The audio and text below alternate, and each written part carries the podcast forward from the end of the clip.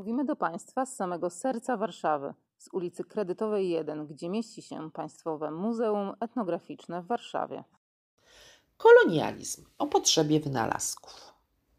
Książka Elizabeth Eisenstein, opublikowana w 1983 roku, przetłumaczona i wydana w Polsce pod tytułem Rewolucja Gutenberga, otworzyła umysły wielu czytelników na świecie na fakt, jak genialnie prosty wynalazek ruchomych czcionek zakończył w XV wieku epokę średniowiecza z jego dominacją pisma odręcznego, a w zamian rozpoczął nowy rozdział w dziejach kultury czas łatwo dostępnej książki drukowanej. W Polsce o tym samym zagadnieniu pisali już w 1912 roku Bronisław Gustawicz i Emil Wyrobek w Księdze Wynalazków, Przygód i Podróży, co następuje.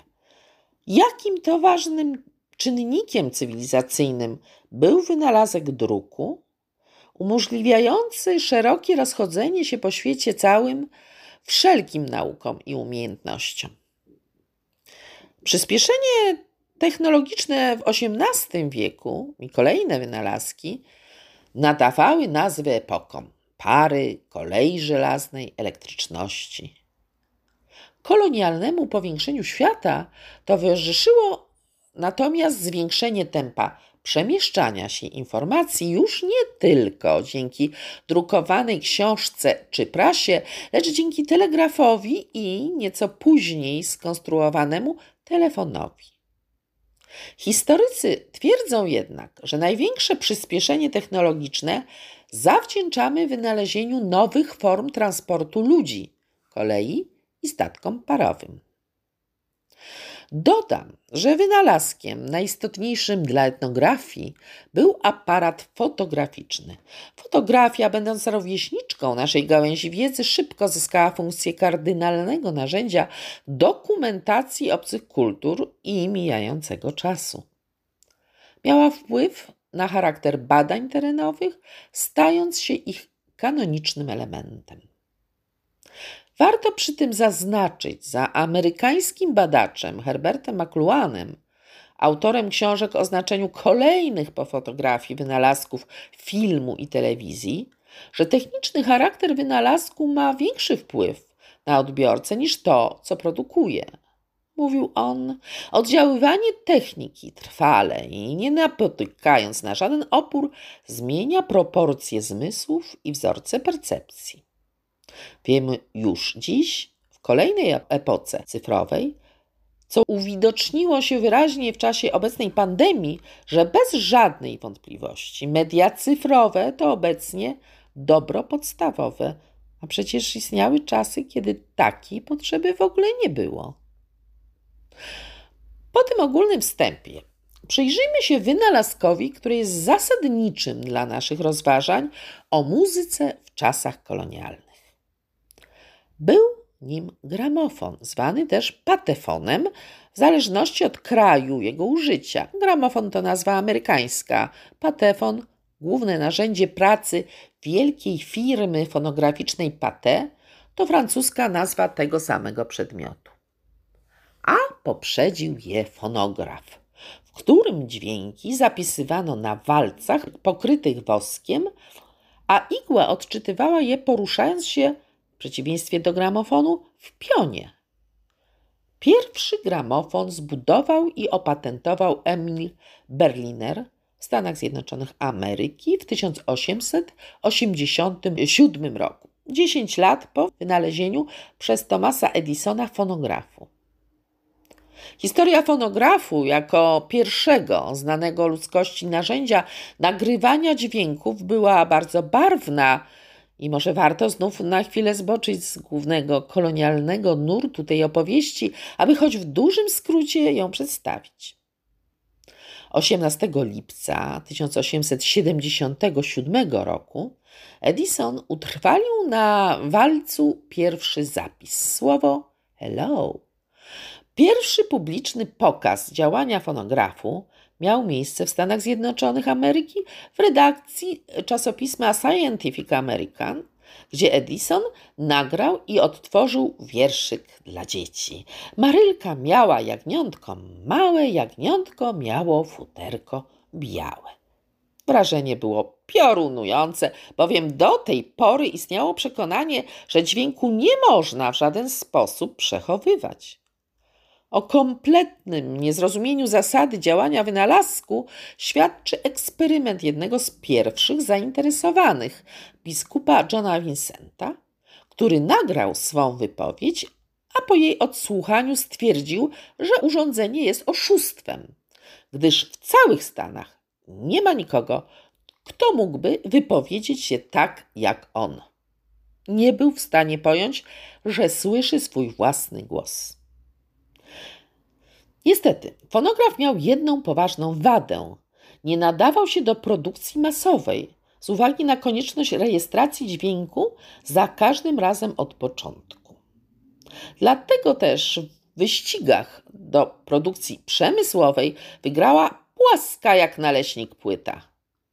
Początkowo szklana lub cynowa, pokryta sadzą czy woskiem, później ebonitowa i szelakowa.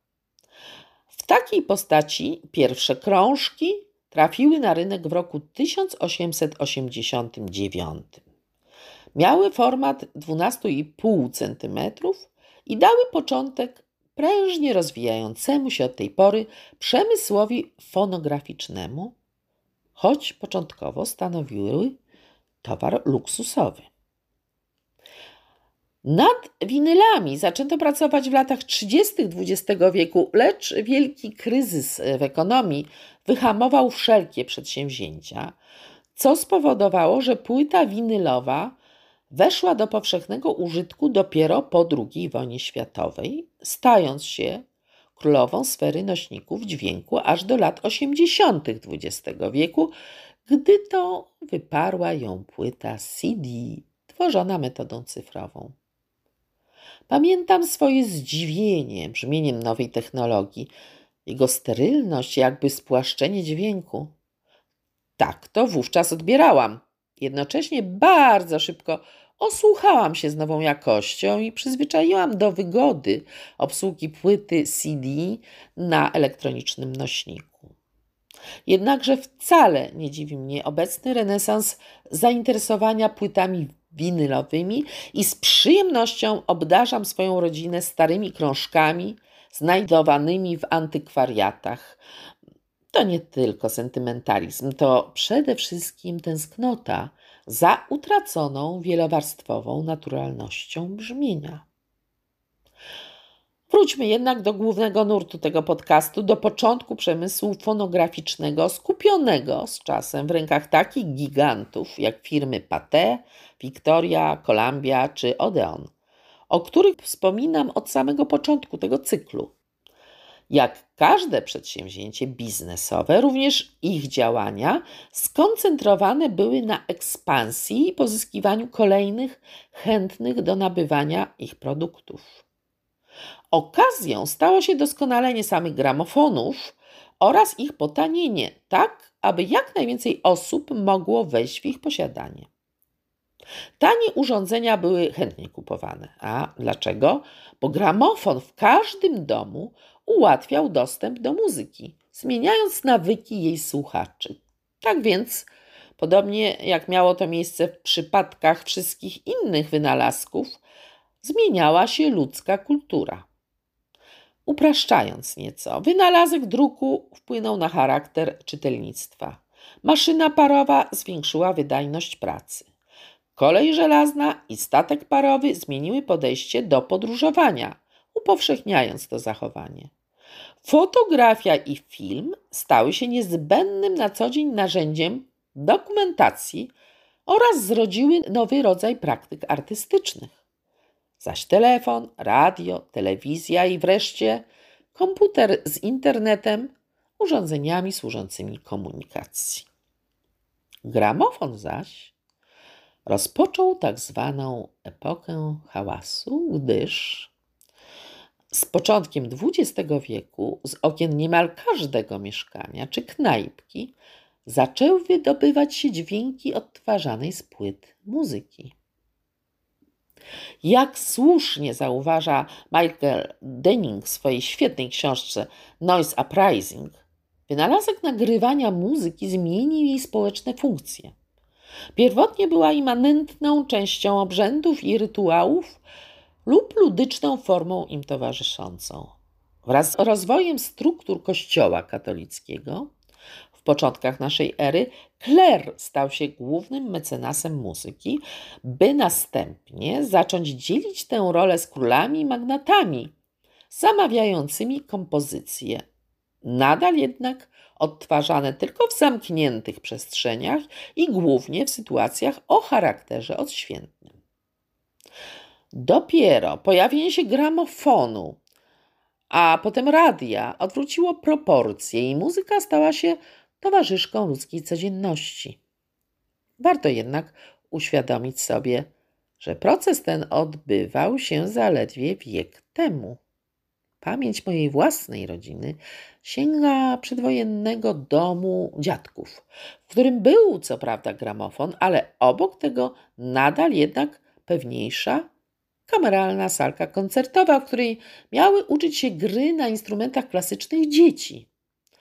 Celem wychowawczym było tu zapewnienie dzieciom samodzielnego dostępu do muzyki. Tuż przed II wojną światową pojawiło się nadto radio, tak zwane kryształkowe. Cenne, zwłaszcza jako jedyne źródło informacji w okresie wojny, starannie ukrywane na wypadek rewizji okupantów. Dźwięki muzyki zaplątały się też w opowieści kolejnego pokolenia moich rodziców, na których powojenna bieda, w tym oczywiście brak gramofonów czy radia, wymuszała samodzielne muzykowanie, gdy mieli ochotę na zabawę. Moje wczesne dzieciństwo było pełne ich wspólnego śpiewu. I znów, wracając do samych początków XX wieku i upowszechnienia się muzyki odtwarzanej z płyt, warto zwrócić uwagę na inny jeszcze aspekt tego procesu, może najważniejszy dla toku mojej narracji. Otóż względy komercyjne wymuszały na firmach fonograficznych poszukiwanie muzyki, której zapis płytowy byłby chętniej kupowany przez masy. Był więc to początek muzyki plebejskiej, zwanej później popularną. W poszukiwaniu tego specjalnego w owych czasach towaru, firmy fonograficzne wysyłały swych inżynierów dźwięku, uzbrojonych w przenośne studia nagraniowe, w teren, aby szukali lokalnych artystów i od razu ich nagrywali. Przyznam się Państwu, że bardzo żałuję, że nie mogłam być etnografem w tamtych czasach. Jakże ciekawe musiało to być zajęcie. Wyprawy takie organizowano na ogół dwa razy do roku. Trwały od trzech do sześciu miesięcy, przy czym mniej więcej co dwa tygodnie ekipa zmieniała miejsce postoju. Tworzono w ten sposób gęstą sieć poszukiwań. Nagrania wywożono następnie do metropolii, gdzie miały swe siedziby firmy matki. Tam tłoczono płyty i odsyłano je do sprzedaży z powrotem wraz z tanimi gramofonami. Nic więc dziwnego, że znani w koloniach lokalni artyści dawali się sprzedawać na miejscu w dużej ilości egzemplarzy i z ogromnym zyskiem. A że Europa określała muzykę swoich kolonii hałasem, zgiełkiem, czyli jazzem, o czym wspominałam w poprzednim podcaście, polecam do odsłuchania, to określenie epoka hałasu pasuje do początków XX wieku w dwójnasób, zarówno ze względu na nowe wynalazki, gramofony, jak i na towar, który był przez nie upowszechniany. A handlowano tą muzyką nie tylko lokalnie, ale też globalnie, o czym opowiem w kolejnym podcaście z tej serii. Na zakończenie to, co najważniejsze. Lokalni artyści z plemienia Fanti z Gany – grupa Kumasi Trio, nagrywani w latach dwudziestych XX wieku. Dziękuję.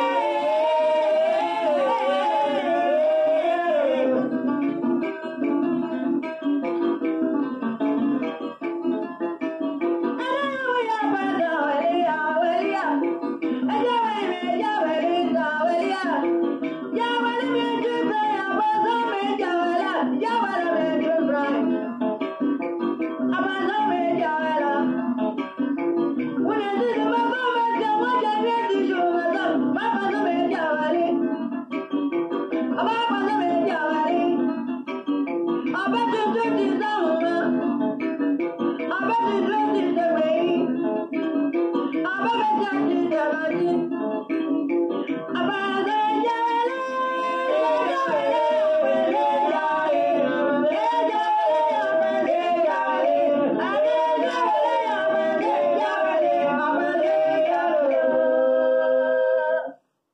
Wysłuchali Państwo podcastu Państwowego Muzeum Etnograficznego w Warszawie.